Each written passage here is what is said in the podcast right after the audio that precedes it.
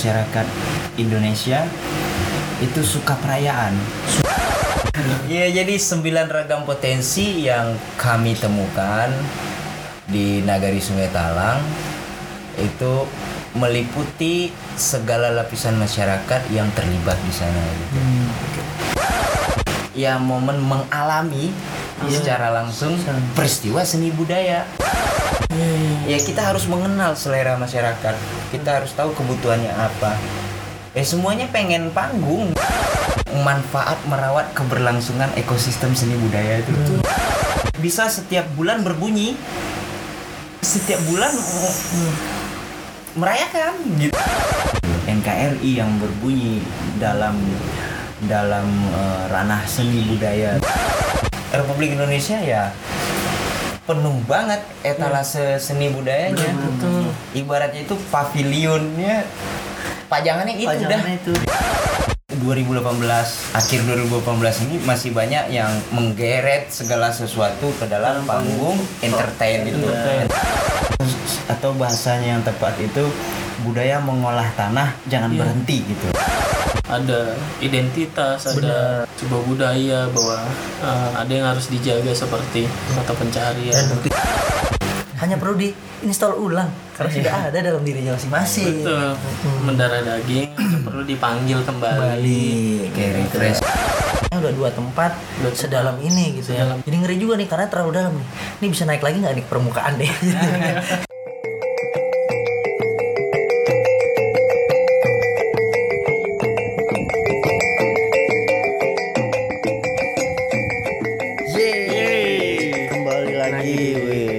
Islam Di Islam Indonesia bersama gue ada Abram. hmm, gue Gilang. Kemarin kita sempat dengerin sedikit cerita, ya nggak bilang sedikit juga sih ya Lang ya. Iya, Ah. cukup cukup banyak kayaknya. Kalau dibilang banyak, kayaknya sedikitan. Tapi kalau dibilang sedikit, masih ada lanjutannya. Jadi kemarin tuh cerita tentang etno musikologi dari kawan kita. Udah Rijal dari Nah. Padang.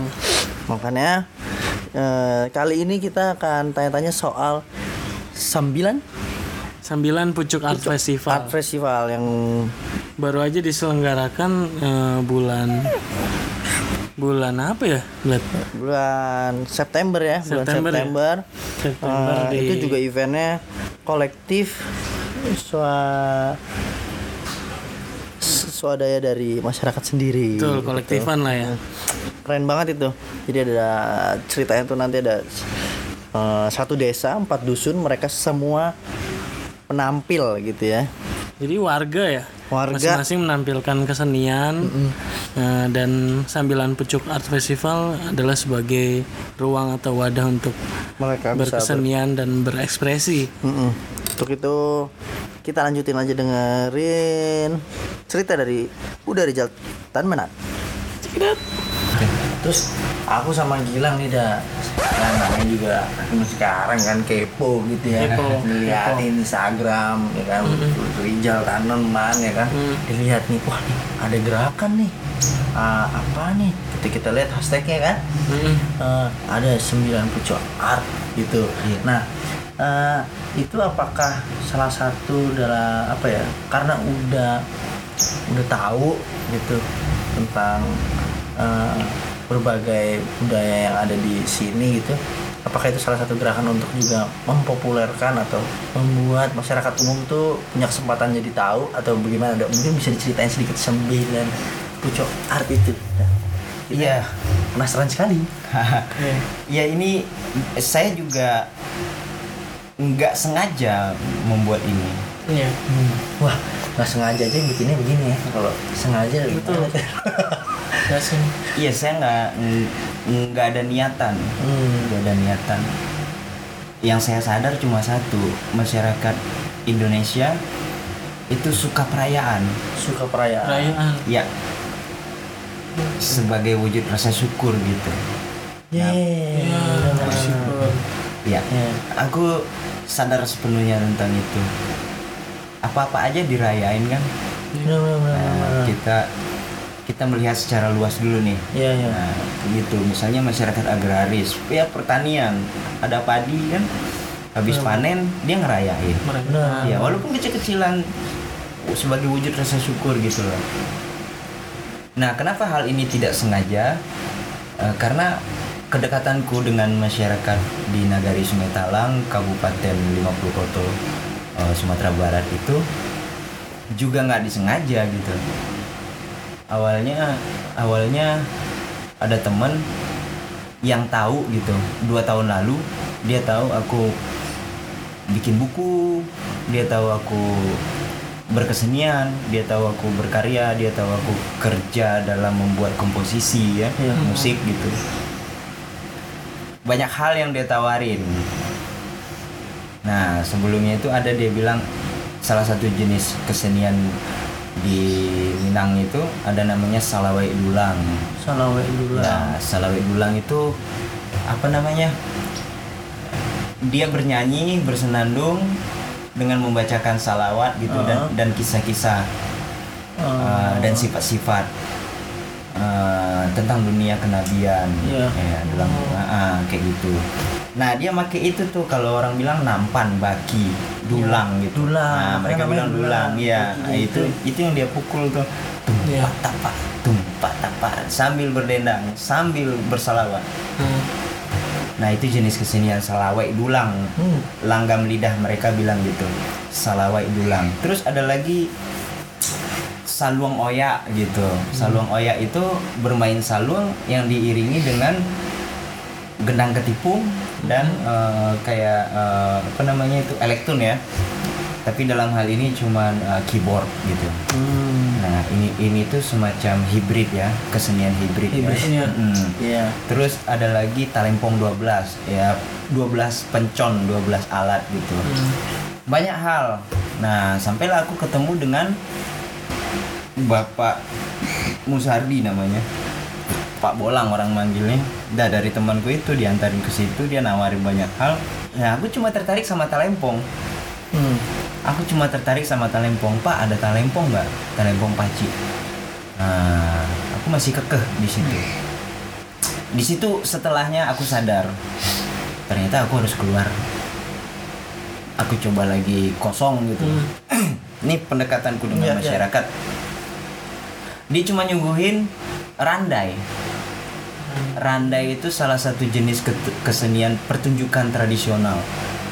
Kayak teater gitu. Oh, kayak dramanya masyarakat setempat gitu, masyarakat Minangkabau ya. Eh, di situ di dalamnya itu ada tiga unsur kan, Eh, singing, acting, dancing, Dancing. gitu.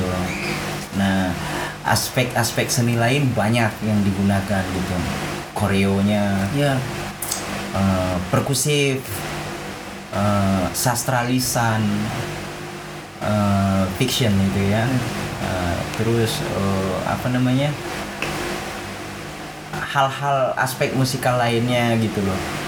Dan lengkap gitu di situ. Nah, aku penasaran awalnya. Iya. Iya. Pak, benar nggak sih di randai ini akan bunyi talempong? Aku bilang. Hmm. Aku nanya sama dia gitu. Ya ada ntar ditabuh. Oh, enggak ada gitu. Iya, ya iya, kayak iya. orang-orang sana gitu Iya, kayak iya. gimana. Aku datang hari pertama itu pertunjukannya tiga jam di base campnya dia. Duh, kok nggak ada talempong gitu. Mulai patah nih gitu. Iya. Cuma pengen cari gitu. Terus aku lihat hari kedua. Kok belum juga? Iya.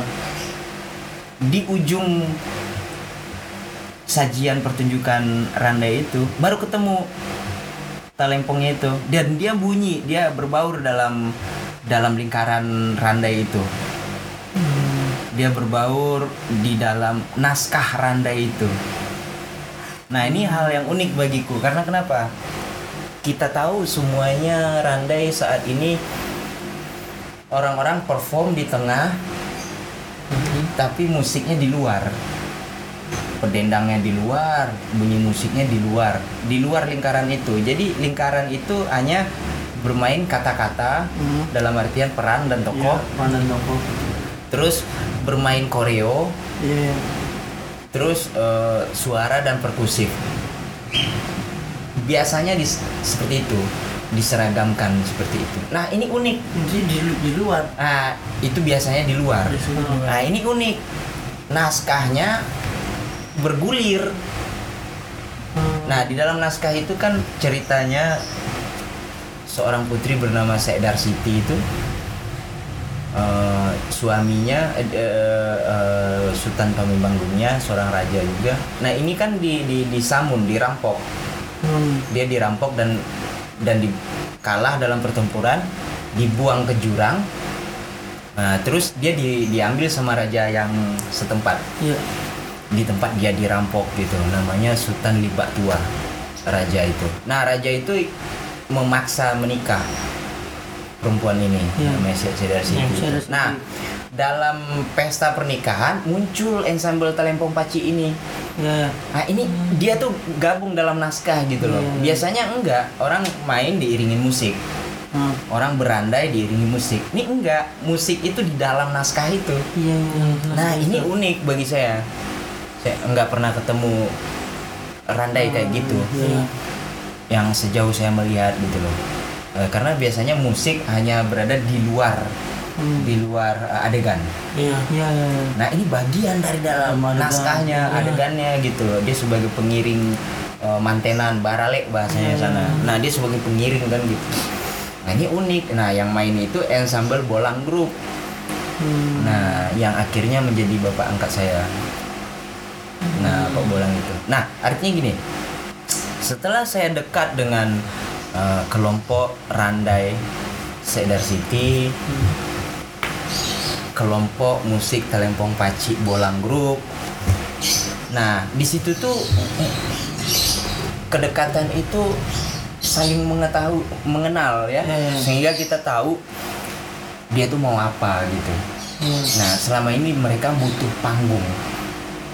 Oke. Nah, mereka itu butuh panggung, antusiasme dan animo yang besar nggak bisa lagi dibendung. Iya. Iya. Nah, sehingga saya buatkan dia konser tunggal. Jadi pementasan tunggal seni Randai Saidar City. Saya buatkan akun Facebooknya, buatkan akun Instagramnya. Saya buatkan email, saya buatkan profil, Ya. portofolio, artworksnya, semua saya draft. Yang tadinya pertunjukannya dua hari, saya breakdown menjadi 30 menit. Nah ini masalah besar juga bagi masyarakat. Masyarakat, Iya. Nah saya coba. Baru kan itu Iya. soalnya. Saya coba edukasi kan ke masyarakat dan itu pasti bersinggungan dengan para tetua Randai. Benar benar. Iya. Ya, ini bagian cerita mana yang mau dipotong? Dipotong. Ah, gitu. Iya. Capture buat yang 30 menit itu. Iya, bagi saya konflik atau mengakomodir konflik itu sesuatu yang hidup. Sehingga saya dekat. Gesekan-gesekan itu nggak saya anggap sebagai hambatan. Nah, gesekan-gesekan dengan masyarakat itu saya anggap sebagai tantangan untuk mencari solusi bagaimana gitu. loh. Nah, karena bicara seni, bicara budaya, karena seni hasil budaya. Bicara budaya ya bicara sisi kehidupan. Bicara sisi kehidupan bicara peradaban. Ya. Bicara peradaban bicara pergeseran, pergerakan, pengembangan. Harus melewati dinamika itu. Iya, Hmm. karena waktu berjalan dalam kehidupan gitu. Nah, kita harus menemukan apa? Kita harus berdamai dengan selera zaman. Nah, akhirnya dekat nih dengan masyarakat itu. Dalam proses dua minggu, saya bikinin video dokumentasi. Hmm. Nah, ini pintu masuk ke nagari Sungai Talang itu eh, kecamatan gua Kabupaten 50 Kota Provinsi Sumatera Barat itu pintu masuknya lewat kesenian kelompok seni Randai Sedar City itu dari situ kita tahu selera masyarakat dari situ kita tahu kebutuhan masyarakat dari situ kita tahu maunya masyarakat kayak gimana gitu. Nah, mulai dari proses eh, breakdown naskah, proses eh, video dokumentasi, terus sampai dipamerankan Tambo Sandi 2 visual art exhibition, terus eh, bergulir sampai ke pementasan tunggal, bergulir sampai ke ini apa namanya pementasan apresiasi taman budaya bergulir sampai ke lomba randai dalam eh, rangka peringatan Hari Pahlawan 10 November bergulir terus bergulir terus muncul letupan-letupan eh, grup-grup lain gitu di di sekitar eh, sanggar itu. Aku bilang sih itu bukan sanggar ya, di sekitar kelompok seni itu Ya. muncul-muncul gitu. Nah, kebutuhan ini kalau aku memposisikan diri udah sebagai pelayan. Hmm. Awal masuk situ nggak sebagai peneliti gitu. Udah aku copot lagi semuanya. Semuanya aku copot aku sebagai pelayan gitu. Nah, ini hal yang tidak disengaja. Oh iya iya. iya. Nah, aku melayani semua semua yang mereka mau. Aku mengakomodir semua ide-ide mereka gitu loh.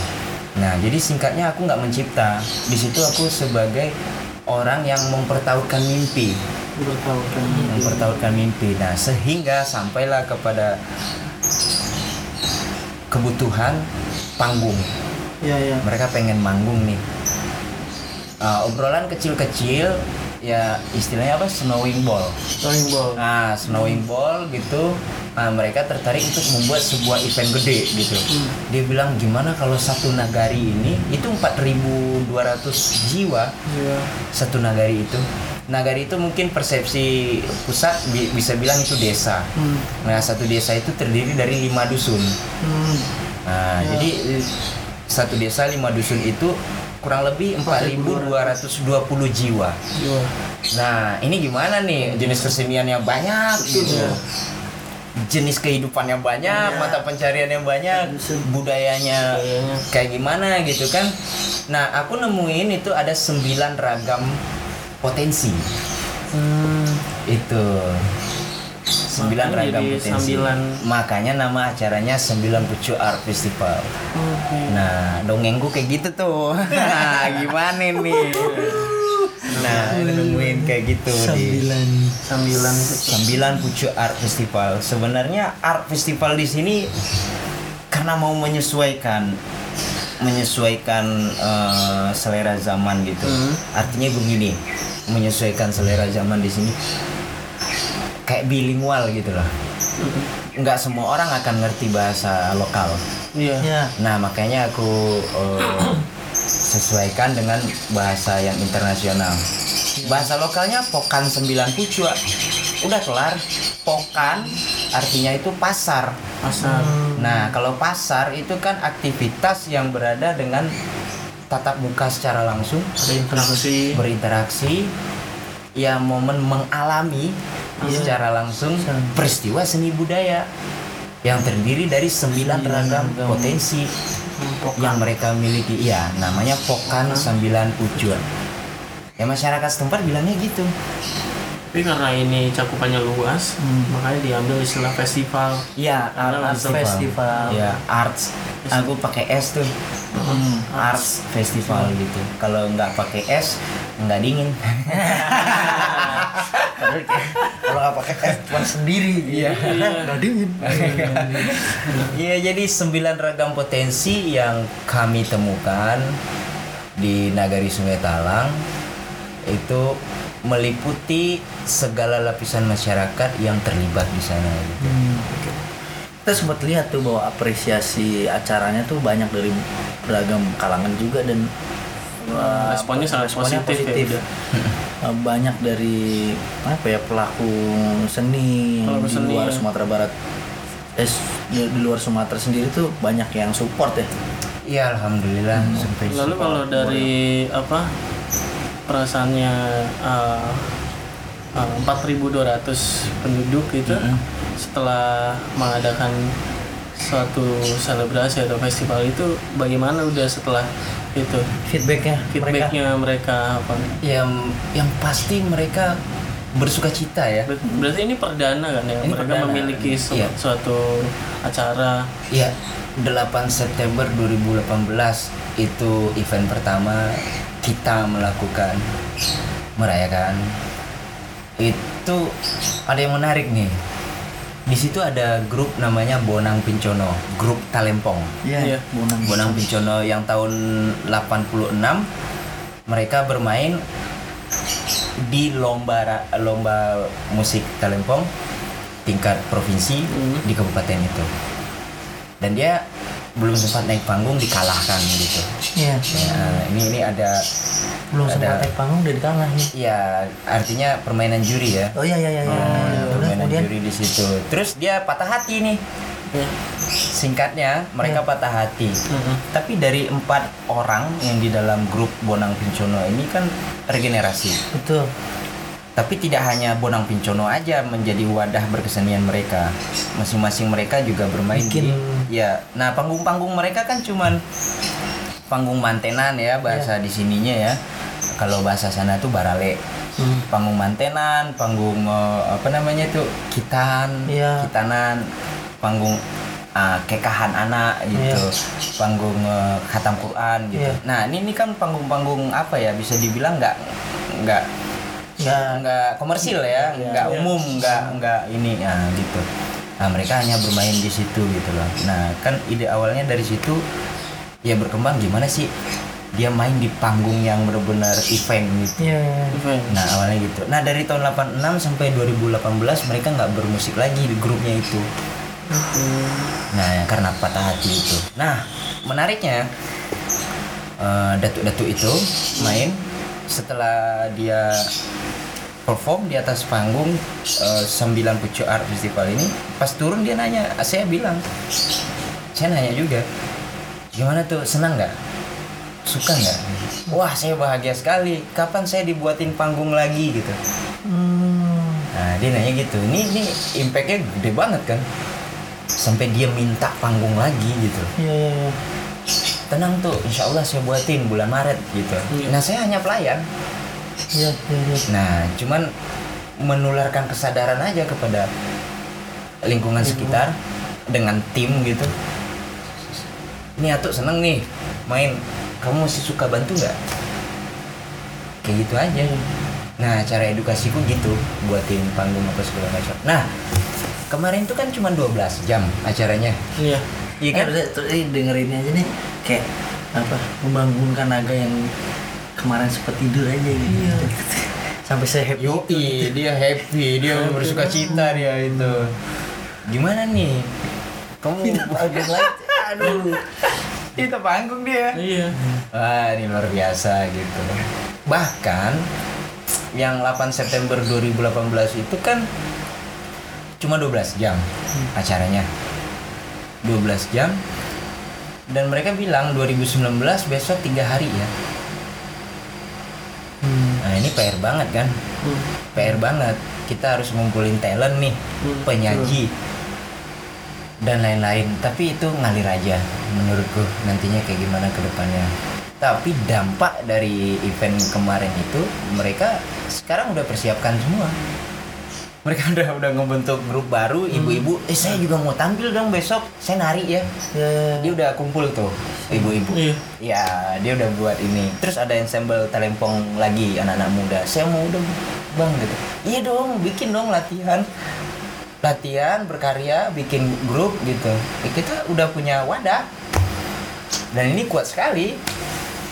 Jadi selama ini tuh wadah ekspresi itu yang dirindukan. Yang dirindukan gitu. Apa sebu- sebuah acara gitu loh. Bahkan datu-datu itu juga biasanya eh, ada istilah itu tagak penghulu, batagak datu gitu bahasanya itu. Ses- seseorang yang dituakan gitu. Iya ya. yang diangkat untuk membimbing anak kemenakan di sana gitu.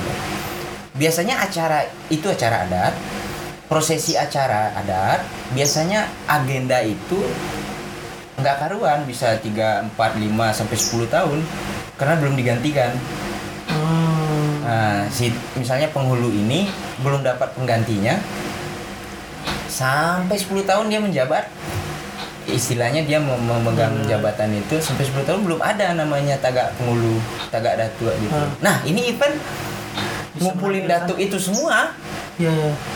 Event ini Sambilan Pucuk Art Festival tuh ngumpulin penghulu itu semua, datuk-datuk itu semua dikumpulin dan dia merasa itu event tuh tagak datuk. Karena prosesi adat diadakan di situ. Iya. Nah, karena ada namanya itu alua, alua itu lisan ya. Bisa. Diadakan di situ, disajikan, ditampilkan, diperagakan di situ. Terus ada yang namanya bajamba, makan bersama itu. Makan bersama di daun. Iya ya. ya. Terus ada prosesinya misalnya berpantun dulu apa. Hmm. diadakan di situ. Tuh ya itu yang namanya pokan. Segala aktivitas ada di situ. Sederhana sebenarnya. Dan itu nggak kebayang sebelumnya. Tanpa disengaja. Ya kita harus mengenal selera masyarakat. Kita harus tahu kebutuhannya apa. Eh semuanya pengen panggung udah ya gitu aja nah ini ini menarik banget loh Bung Abram. benar-beneran loh Mas Gilang. Iya. ini menarik banget gimana caranya eh, ba- bagaimana dampak ini bisa kuat dan meluas gitu loh. Iya. sehingga masyarakat setempat tuh mengerti manfaat merawat keberlangsungan ekosistem seni budaya itu. Nah kayak gitu loh. Dan mereka memiliki kesadaran itu setidaknya eh, udah ketika membuat sembilan pucuk pertama nih kan bentuk jadi Bentuk. merubah lagu lagi sampai sekarang nungguin panasnya bulan Maret nanti iya iya iya September oh September Iya, dan bel- kalau bulan Maret itu yang khusus konser Talempong. oh Nah, ya. ini kita buat rangkaian yang panjang. ah ya, ya, ya. Nah, kayak kayak ada istilahnya itu eh, apa? Got talent gitu loh. Iya, iya, Kita iya. mencari bakat gitu loh. Jadi ini bi- bisa setiap bulan berbunyi. Setiap bulan mm, merayakan gitu. Apa aja. anget terus gitu Nah, iya. anget terus Setiap bulan kita melakukan itu apa aja. Ini menariknya di sini nih.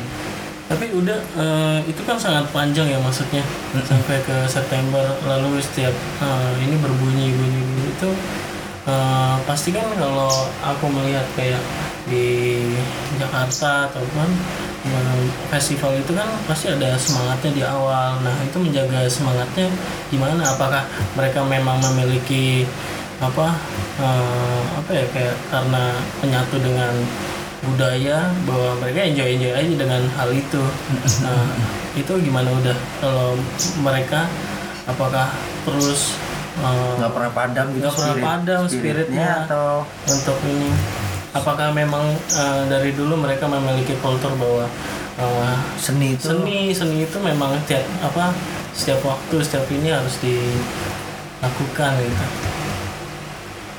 Kalau aku bilang sih ya kita harus sadar ya, mereka kan masyarakat agraris ya. Hmm. Di kebun, di parak, Iya. di ladang. iya Kayak gitu kan.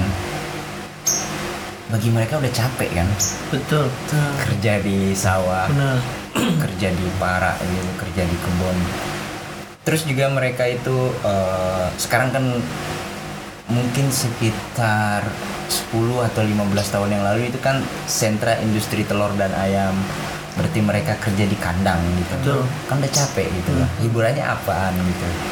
Hmm. Iya kan? Nah, masyarakat ini kan masyarakat agraris, baik pertanian maupun peternakan gitu kan. Kan nggak bisa kita edukasi dengan cara manajemen. Ah, Nggak bisa kita manajemen seni maksudnya. Iya. Nggak bisa kita edukasi eh, secara time plan, program dan lain-lain. Ini kan bahasa-bahasa yang eh, jauh lah dari ya dari keseharian, dari keseharian. keseharian mereka gitu loh. Nah, selama ini pendekatanku tetap merasakan kalian masih butuh nggak panggung? Hmm. Nah, sebab aku cuma melayani nih. Kalian masih butuh nggak eh, penampilan? Kalian masih butuh nggak hmm, eh, bahwasanya kalian tuh tampil gitu, lah, iya. meragakan gitu lah. Aku rasa kesadaran-kesadaran kesenian atau kesadaran eh, apa namanya budaya nggak seperti yang kita pikirkan mereka nggak sedalam kita me- melihat sebuah identitas gitu loh. Ya. Nah, bagi mereka itu ya kehidupan gitu loh bagi mereka. Dan aku rasa aku rasa sampai hari ini mereka pun nggak nggak akan berpikir ini gua harus tampil benar-benar sempurna nih gitu. Enggak, mereka kan secara kalau kita ukur secara standar estetika dan artistik Iya. ala kita gitu loh nggak bisa jadi mereka natural sekali Hmm. nah aku pikir apa ya mungkin karena mata pencarian ya Hmm. nah jadi cara menjaga supaya spirit semangat kolektifnya itu nggak redup gitu eh, kita sampai pada cara pendekatan nanya lagi Hmm. bener nggak sih kamu tahun depan tuh masih pengen panggung gitu loh Iya. ya kalau kalau enggak kalau enggak gitu kenapa gitu Iya, Eh, iya. mesti kita tanya kan Hmm. nah terus kalau seandainya enggak satu tahun per berapa tahun Per berapa nah tahun. gitu Iya. kalau seandainya enggak satu hari per berapa hari gitu Hmm. terus perlulah komunikasi aku rasa Iya. Tapi nyatanya Jadi daripada per tahun, udah bisa nggak per bulan jadinya gitu. ada ibu-ibu yang di bazar Iya. itu Heeh. yang jualan itu kan dia kan ada kerajinan lokalnya Betul. dia menampilkan itu kan dia buat kopek nama bahasa di sana kayak dompet dari Hmm. daun dari daun apa eh, pandan gitu Ah, nah banyak kerajinan-kerajinan tangan dia justru malah nanya bikinin pasarnya kalau bisa per tiga bulan dong Hmm. aku cuma mikir apa oh berarti dia produksi karyanya udah banyak nih tiga bulan gitu Iya. Iya iya. iya. Nah, cara aku berpikir gitu loh. Berarti dia studionya udah penuh. Iya iya. Raknya, etalasenya udah Udah penuh. penuh. Udah penuh. Ini mau dipasarin ke mana gitu kan. Hmm. Nah, aku mikirnya gitu. Wah, ini berarti masih layak nih. Nah, ini berarti bisa gitu. Nah, animo-animo dan antusias yang seperti ini yang yang mesti kita tata gitu loh. Mesti Hmm. kita kelola, nggak bisa di mesti kita diakomodir. Nggak bisa kita siram, sembur sehingga padam begitu aja gitu loh. Hmm. Nah, Iya. itu sih aku rasa untuk menjaga semangat Semangat spirit. spirit. Seru. Berubah. Hah? Berubah nih dari nggak ada jadi ada. Iya. Berarti kalau eh, udah agenda ke depannya eh, apa terhadap eh, sambilan Pucuk Art Festival jauh ke depan tuh agendanya apa baik mungkin dari sisi festival itu atau dari sisi udah Rijal sendiri Secara kolektif kami di sana kan menyusun time plan program gitu. Kita gerak dari menurut plannya gerak dari Februari hingga September, September. ke event kedua kan gitu. Nah itu secara time plan program. Tapi dampak yang saya maksud di depan tadi Iya. ngomongnya kan di pengantar tadi bentuk merubah laku gitu kan. Iya. Nah dengan dengan nampaknya bentuk event ini acara 9 Pucuk Art Festival itu merubah laku saya gitu loh. Aku ngerasa ya sekarang tuh ngebayangin seandainya dari ujung Sumatera sampai ujung timur gitu Indonesia berbunyi semua gimana gitu loh. Aku ngebayangannya kayak gitu. Dalam setahun kan 12 bulan, 360 hari, 65 hari kan. Aku ngebayangin semuanya di Indonesia itu dalam 365 hari itu berbunyi gitu. Eh, aku rasa ini bukan agenda. Aku rasa ini semacam mimpi. Mimpi. gitu. Aku rasa ini semacam eh, harapan dan apa menjaga kobar api semangatnya gitu kan dalam dalam seni budaya gitu loh. Kalau agenda ke depan sih ya kita ngikutin ini aja time plan program yang disusun oleh mereka gitu. Februari sampai September. Tapi kebayang sih kalau biasanya cuma enggak ya cuma ya sorry biasanya tuh eh, apa namanya obor pon yang Hmm. estafet nah ini bunyi bunyiin yang estafet dari ujung Sumatera Iya, sampai iya, iya. Papua ngeri sih ngeri Iya kayak Sampean kayak, situ kayak gitu. masanya kalau setahun Iya. itu nah di tahun berikutnya itu balik lagi tuh bunyinya jadi setiap hari Iya. kita nggak nggak ada nggak ada nggak bunyi Nggak ada jeda untuk mendengarkan. Apalagi kalau message-nya tuh eh, ada gitu terus seragam gitu. Bukan seragam tapi ya apa ya ada benang merahnya gayung bersambut tuh. Itu sih bukan sekedar nyalain spirit tentang eh, budaya yang harus ya apa ya bukan budaya. Gimana kalau bilang budaya eh, supaya berbaur dengan kehidupan sehari-hari nggak mungkin ya. Kehidupan sehari-hari itu emang budayanya gitu. Cuma kan Iya. kalau itu api nyala gitu lapisan masyarakat yang nggak tahu banyak jadi tahu banyak gitu Iya. kan sebenarnya. Dan Sambilan Pucuk Art Festival kan sebagai salah satu merawat budaya ya. Dengan eh, benar-benar aktivasi di situ. Orang-orang terlibat orang-orang setempat terlibat pelaku pelaku setempat terlibat yang mungkin ya eh, apa? Kayak menaruh satu eh, hasil karya eh, yang bisa dilihat eh, beberapa tahun ke depan oh sebagai eh, ini ternyata kita pernah membuat satu ini yang Iya. mungkin eh, apa ya tersimpan dalam internet mungkin yang Iya, iya, akan bisa di apa ya kayak semacam legacy sih. Eh, eh, eh, yang bisa dilihat kembali nanti kan. benar benar ngiri ngiri deh Tapi kalau untuk yang 365 hari bunyi itu yang seperti apa udah maksudnya? mungkin mesti ada ketemu udah-udah yang di daerah lain kali. Iya, yang iya. biar bisa Iya. Di Sumatera Barat sekarang benar-benar menggeliat ya. Tapi provinsi Sumatera Barat nggak semuanya eh, punya event gitu. Iya, Nggak, iya. nggak semua beda dengan kota-kota lain, khususnya kota-kota besar di, di Pulau Jawa Hmm. gitu. Yang benar-benar ratusan eventnya per tahun kan. Iya. Ya, kita bisa nemuin dalam satu hari itu dua bahkan sampai tiga event satu hari Hmm. di sebuah tempat. Nah kalau di Sumatera Barat kan belum belum semuanya ini gitu loh. Nah sehingga aku mm, ibaratnya eh, seorang fotografer gitu Iya. memegang kamera ada zoom in zoom out gitu loh. hmm. Nah ya kan kalau mau capture mengcapture 365 hari itu Indonesia yang berbunyi gitu loh. iya Iya. Indonesia Nah, berbunyi apa NKRI yang berbunyi dalam dalam eh, ranah seni budaya benar benar benar. Hmm. dalam frame seni budaya gitu loh.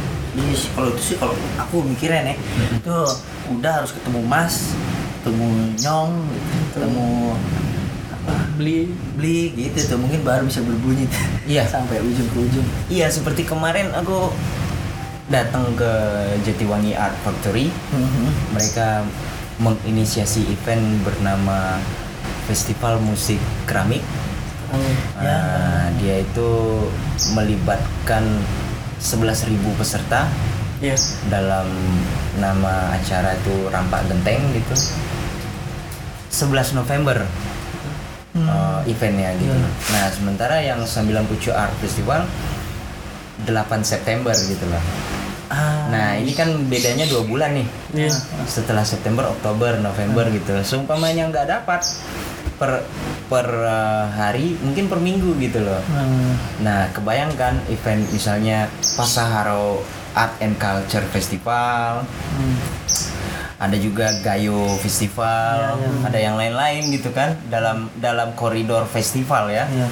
Itu semua hari-harinya terisi kan dalam satu tahun 365 hari Republik Indonesia ya penuh banget etalase seni budayanya. betul. Ibaratnya itu pavilionnya pajangannya itu Pajangannya dah. Itu gitu. Seni budaya gitu. Nah aku Iya. bermimpi sampai ke ke sana. Ini mimpi mungkin harapan mimpi atau apalah ya namanya. udah. Aku sempat lihat yang Jatiwangi Iya. eh, apa factory. Ya art bahwa menggunakan keramik ya. Iya. bunyi bunyiannya terus sampai menghasilkan satu ri, apa rekor. Ya rekor terbanyak memainkan musik keramik. musik keramik. Ya Oh, itu iya. Menarik. Eventnya kan trienal tuh per Oh. tiga tahun. Ini tahun ketiga dia mengadakan ini gitu. Aku sempat baca buku judulnya Peka Eh, karya Mas Indra Manus dari Jogja. Dia memiliki skena Jogja Noise Club. Mhm. noise. Jadi bahwa eh, ada satu pengantar bilang bahwa eh, kita memaknai musik tuh bisa apa aja sebetulnya asalkan kita melepas eh, musik itu harus in harus selalu indah. Musik tuh nggak harus selalu indah yang penting kan ada bunyi gitu. Eh, dia bilang itu di pengantar itu lalu eh, kalau 365 harus berbunyi itu udah eh, apakah memang dari dulu kita memiliki keterkaitan terus dengan musik bunyi dan harus selalu hidup dan nyala itu sehingga udah memiliki mimpi itu eh, bahwa Indonesia itu harus berbunyi mungkin setiap hari setiap waktu. Eh, dan itu nggak boleh hilang apakah eh, kita memiliki keterkaitan itu dengan eh, dengan musik dari dulu dan nggak akan bisa lepas gitu. Kalau tanggapan udah eh, gimana? Iya kalau kita ngelihat kehidupan Indonesia atau dulu namanya itu Nusantara Iya. Masa lampau gitu kita lihat ke masa lampau memang iya gitu ya kita hidup dalam bunyi-bunyian juga gitu Iya. kita hidup dalam apa dimensi suara juga gitu loh banyak kan seperti orang tua orang tua dahulu ini menina bobokkan anak dengan dendang tertentu Betul, dengan langgam tertentu Iya. Nah, seperti itu. Nah, belum lagi alam ya. Alam kita sangat kaya kan bumbu Iya. soundscape ya kalau orang bilang ya.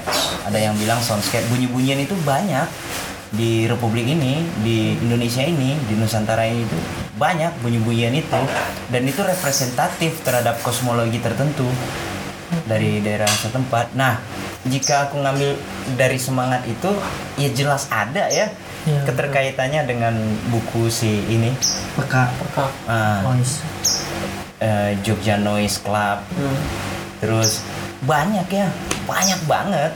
Gemericik air di sungai gimana Iya, kan ada bunyi iya. gitu.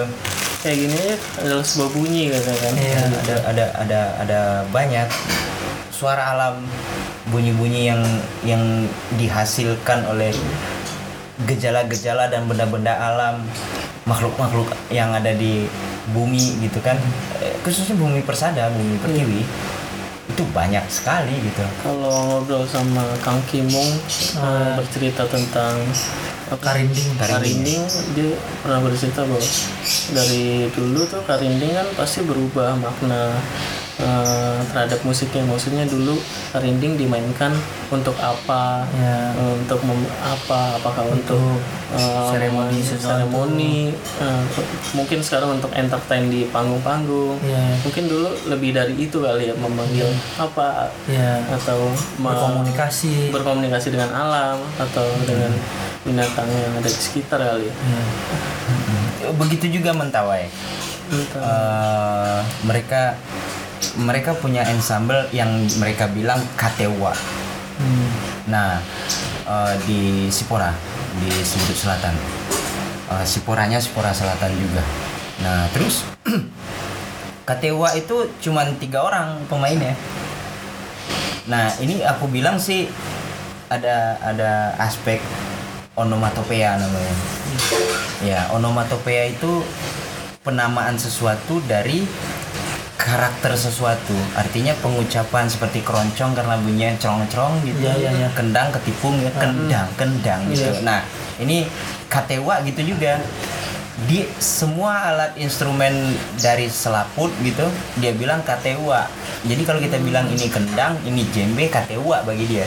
Hmm. Nah, ini kan metopea. Nah, ensemble KTUA itu ada yang yang yang yang namanya terbuat dari kayu. Oh, Namanya itu lak-lak. Hmm. Lak-lak karena bunyinya itu lak lak lak lak lak lak gitu. Nah, yang satu lagi nama eh, kategori instrumennya terbuat dari bambu itu eh, wangwung kalau nggak salah aku namanya itu. Aku lupa wangwung atau eh, ya Yang- pada dasarnya bergaung Iya. dari bambu gitu Iya. loh. Iya. Mm, mm, esensi aku lupa nama persisnya. Nah, ini yang kata gua. Nah, mereka berbunyi satu waktu Hmm. Ensemble itu mereka berbunyi satu waktu ya bunyi kak uwa kat uwa lak atu uwa lak atu uwa bunga wang eluk ngata uwa itu dia mengiringi penari yang udah prototype dari alamnya. Jadi dia bilang eh itu lagu apa? Ini untuk untuk apa penari yang menirukan monyet gitu. Nah, emang, emang dia dekat banget dengan kosmologi. Terus yang harimau yang apa gitu loh. Nah fungsi musik atau kesenian terkhusus buat ensemble KTUA merepresentasikan lingkungannya setempat gitu. Setempat. itu luar biasa itu. Luar biasa. luar biasa itu. Nah mungkin mungkin ada kan istilahnya itu eh, panggung profan panggung sakral gitu kan Ah, Nah, ada kan profan, istilahnya sakral. Ada istilahnya itu iya. nah aku rasa mungkin 2018 akhir 2018 ini masih banyak yang menggeret segala sesuatu ke dalam panggung entertain gitu. Entertain. Entertain salah satu yang ada di Profan dia nggak sakral, nggak Iya, iya, nah. nggak nggak suci gitu, Iya, nggak nggak nggak hikmat gitu loh. Nah dia tuh sebagai make up atau apalah bahasanya, Iya. Hmm, kayak gitu. Aku rasa aku rasa itu yang dimaksud Kang Kimong tadinya karinding. Karinding. Iya. Kalau cara kalau bahasa Jawanya kan getuk tular gitu. Untuk tular. Itulah. Kalau di Minangkabau tuh pernah apa eh, ada sebutan itu seciuk baknya ayam sadanciang baknya basi gitu kan. Emang segala sesuatu itu eh, perlu disuarakan. Hmm. Eh, apa namanya dalam konteks event ini eh, atau Indonesia 365 hari berbunyi gitu kan eh, perlu kita berjejaring ya Hmm. Hmm. eh, eh, untuk untuk pada dasarnya mimpi kita tuh kan sama gitu Iya, iya, iya. pada dasarnya mimpi kita itu sama gitu loh nah biarkan masing-masing daerah itu bergerak menurut coraknya ya Betul. menurut menurut langgamnya menurut caranya menurut polanya gitu loh nah setidaknya setidaknya secara teknis tuh berdekatan harinya gitu loh Hmm. nah aku pikir cuman apa bukan cuman. Aku pikir menjadi tugas berat bagi kita sowan ya bahasa Jawanya. Hmm. nah mendatangi satu persatu menghampiri membangun silaturahmi. Mungkin itu sih modal utamanya gitu loh. Nah kalau kontribusi segala lini atau lintas skena eh, kayaknya bukan ide buruk untuk membantu katakanlah ini narasi atau ide ide nasional gitu kan atau apa gitu nggak ada salahnya. Bukan ide buruk untuk mendukung dari dari skena lain gitu loh. Iya. untuk mendukung ini apa pun aja kontribusinya. Seperti seperti apa membuat video testimoni misalnya Iya. atau membuat eh, apa namanya mm, mm, mm, greeting video atau atau posting apa gitu kan. Tapi terkait dengan itu semua gitu loh itu aku rasa menarik Hmm. apa kita Bisa harus memiliki awareness itu ya. ya kita Berarti harus kita juga bisa ikut berkontribusi terhadap Eh, pasti mimpi. dong Bung Abram Nah, sama Gilang menggaungkan. menggaungkan. Nah, misalnya eh, 365 hari berbunyi Nusantara itu kan bentuknya mungkin bisa bermacam-macam ya ketika mungkin ke eh, Purwokerto mungkin eh, aku ketemu satu pelaku musik gitu dan sama seperti pendekatan kayak Jatiwangi Factory itu bisa jadi satu bentuk iya. eh, bunyi-bunyian juga Iya. dengan bentuk memecahan rekor gitu. Tapi kan Iya. juga berbunyi gitu kan. Iya. atau bisa juga dalam bentuk festival. Eh, berarti jangkauannya lebih luas. Berarti mungkin kalau eh, kita berdua aku sama Bram misalnya menemukan eh, di Depok gitu kan ada Oh, pelaku iya. yang sangat ini eh, Bisa jadi jejaring bisa- baru. Eh, eh, kita berarti bentuknya adalah misalnya upload ke YouTube atau sosial media. Itu berarti juga bisa menjadi salah satu benar sekali Mas Gilang. Jadi jadi tanpa kita bahasanya itu tanpa kita mem- menjelaskan 365 hari Indonesia harus berbunyi tanpa kita menjelaskan itu mereka membuat acara sudah dalam rangka dalam kerangka itu iya. Nah, jadi jadi kesadaran ini sebaiknya ngalir dan alami gitu loh, dan natural gitu loh. Yang penting gerak gitu. Iya. Ya, aku rasa gitu. Nah, mungkin kita akan sampai pada conclusion bahwasanya 365 65 hari tersebut udah berbunyi gitu. Iya, nanti kita bisa ya ibaratnya mata lensa bisa zoom in zoom out. Nanti kita bisa lihat, wah ternyata 365 hari Indonesia itu udah berbunyi gitu loh. Iya.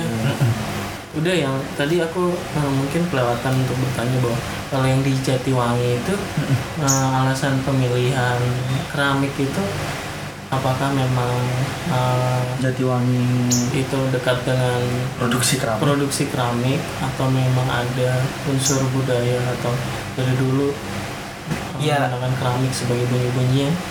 Iya, kemarin aku ke sana itu kan menjelaskan semua gitu, baik eventnya, baik masyarakatnya, baik baik kotanya, eh, ataupun Jatiwangi Art Factory sendiri ataupun penggeraknya. Itu memang bilang bahwasanya ba- baik pun dari tulisan artikel pengantar eh, eventnya gitu loh memang bilang 10 tahun terakhir ini kan sentra produksi genteng.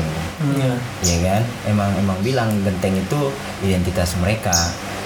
Nah sebetulnya mereka itu eh, kalau dari yang aku tahu itu dari 1905 ya kalau nggak salah. Ah, mereka mereka memproduksi produksi genteng, genteng. gitu. Ada home industry gitu 1905 kalau nggak salah. Atau 19 berapa lupa aku. In- kalau 1905 berarti sudah 100 berapa tiga tahun gitu Iya, 113 tahun. 113 ya Hmm. Hmm. 113 tahun gitu loh. Nah, mereka memproduksi genteng, gitu loh. Nah, artinya begini. eh, mereka itu in- intisarinya itu adalah mereka tuh tidak mau berhenti mengolah budaya tanah gitu loh. Nah, atau atau bahasanya yang tepat itu budaya mengolah tanah jangan berhenti gitu. Iya, Betul. Nah, mungkin kayak gitu. Mungkin bisa ngejawab nggak? Karena memang misalnya ya kayak leluhur dia udah memproduksi genteng itu sebagai Iya. suatu mata pencarian yang ditanam gitu. menghidupi juga. menghidupi bahwa wah sampai tujuh turunan mungkin gue bisa hidup dari ini gitu dan eh, mungkin eh, festival Jatiwangi Factory itu hanya sebuah kayak eh, menjaga eksistensi juga Ya, Sekaligus, mereka mengakui. eh, menunjukkan bahwa apa ya alternatif apa ya, biar nggak bosen juga kali ya Karena ada hal yang bisa dieksplor dan dan eh, juga dalam sebuah hiburan di keramik gitu di wilayah itu sendiri. sehingga mungkin nanti oh ini juga ternyata ini loh yang menghidupi kami tapi dia merepresentasikannya dengan sebuah uh, movement Jatiwangi Factory.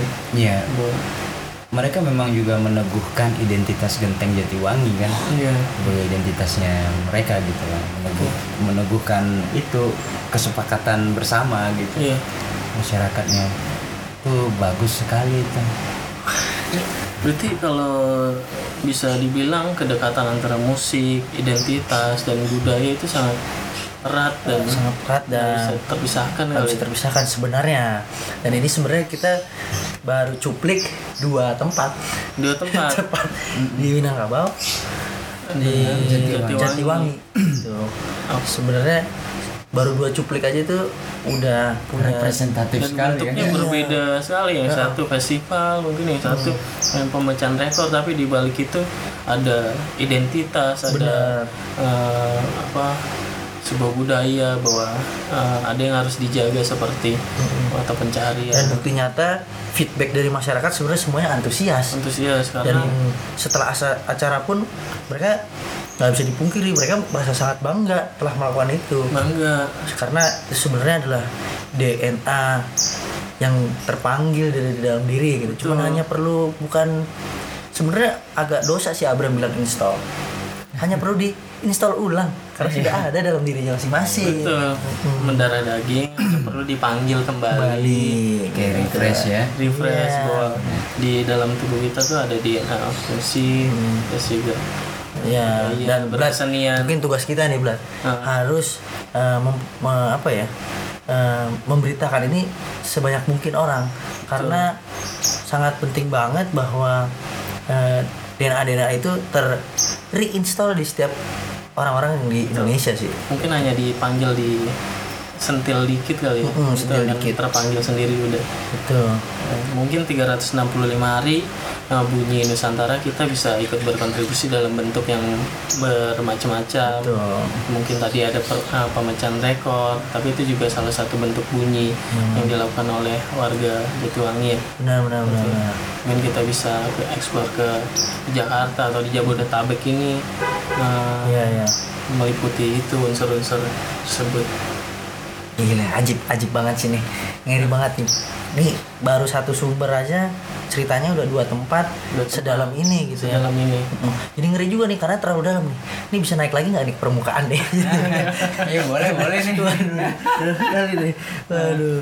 Eh, mungkin untuk eh, cerita podcast yang episode spesial bersama udah bersama Ija. udah nih kita akhiri sampai sini dulu gitu kali ya. Eh, Hmm, kami berterima kasih banget dengan Uda yang jauh-jauh dari Padang namun bertemunya di di daerah Jakarta Selatan iya eh, tanpa harus eh, berdiskusi dengan campur-campur Indonesia dan Inggris seperti anak-anak Jakarta Selatan lainnya.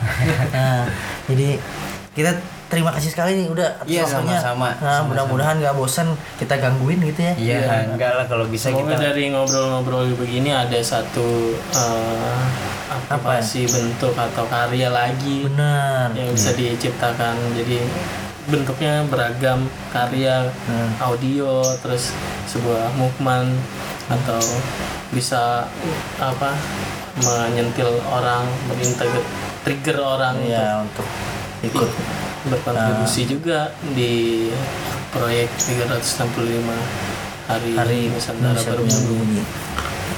Ya harapannya apa segala lini, segala lapisan, segala lintas skena lah gitu Iya. kan turut berkontribusi dengan caranya Iya. turut berkontribusi dengan coraknya gitu Iya. karena masing-masing kita tuh memang benar-benar beragam gitu loh nah eh, terkhusus untuk 9 Pucu Art Festival itu memang benar-benar beragam gitu nah 9 Pucu Art Festival itu kan sebenarnya kategori-kategori aja Iya, iya. Iya. Nah, pada dasarnya emang masyarakat yang berpesta mas- budaya tertentu yang beridentitas ya Iya. Nah gitu. Ya saya terima kasih banyak untuk Gilang sama Abram. Sebetulnya ucapan apresiat kita bentuk penghargaan atau apa pun itu layak untuk masyarakat sebetulnya. Yes. Iya. Ya karena kado terindah kalau kita mampu memberikan pada orang banyak kan. Kalau kita bekerja untuk orang banyak, niscaya orang banyak akan mau bekerja untuk kita kan gitu. Hmm, Ya itu sih kayaknya. Iya. hukum malam tuh. Hukum alam tuh. Iya, yang penting jangan berhentilah tangan mendayung. Biar Oh. ombak nggak atau gelombang nggak meng- meng- mengambil kita ya kali ya. Luar biasa. Itu aja kali ya. Pesan dari pesisir. Pesan dari pesisir. Pesan dari Udah, pesisir. Rija. Sama tanah hela lah kalau kata orang Bugis ya. Iya, Iya, karena iya. Bugis kan leluhurnya nelayan. Nah. Ya seru sih, semoga apa namanya ya kita gerak dengan corak masing-masing gitu, cara masing-masing, pola masing-masing, gaya masing-masing. Tapi dalam setahun Indonesia berbunyi nih gitu. Iya, betul. 365 hari gitu. Sekarang beda gitu bisa. Thank you banget Bung Abram ya. Thank you. Iya, Sama Mas Gilang ya. Hmm. Mantap banget ini. Mungkin sampai ketemu eh Di- selamat mendengar di episode-episode lainnya. Eh, Abram Dan Gilang, eh, terima kasih banyak eh, pada Uda dan mungkin sampai ketemu di Selam episode berikutnya. Kita sign out. Dah. Nah.